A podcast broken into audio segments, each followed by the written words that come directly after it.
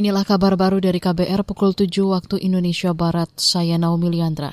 Menteri Dalam Negeri Muhammad Tito Karnavian mendorong pemerintah daerah memproduksi cabai. Tujuannya agar daerah dapat mengendalikan pasokan dan harga untuk komoditas cabai yang kerap mengalami fluktuasi. Seperti cabai rawit, ini gerakan tanam betul-betul mungkin diseriuskan.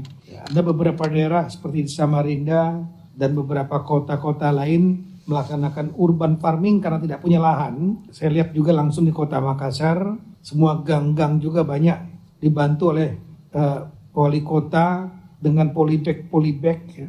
sehingga ada kemandirian di bidang cabai.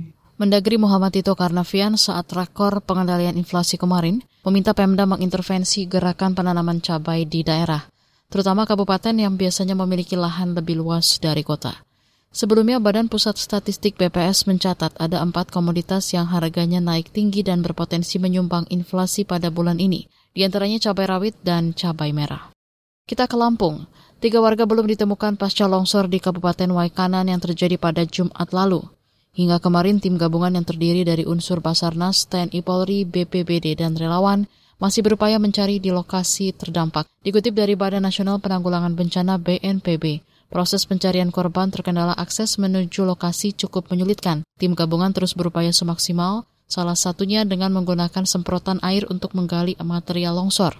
Pusat Pengendalian Operasi Pusdalops BNPB melaporkan longsor yang juga mengakibatkan dua warga meninggal tertimbun. Longsor terjadi saat hujan dengan intensitas tinggi disertai kondisi tanah yang labil di desa Sumbersari, Kecamatan Banjit. Demikian kabar baru saya Naomi Liandra.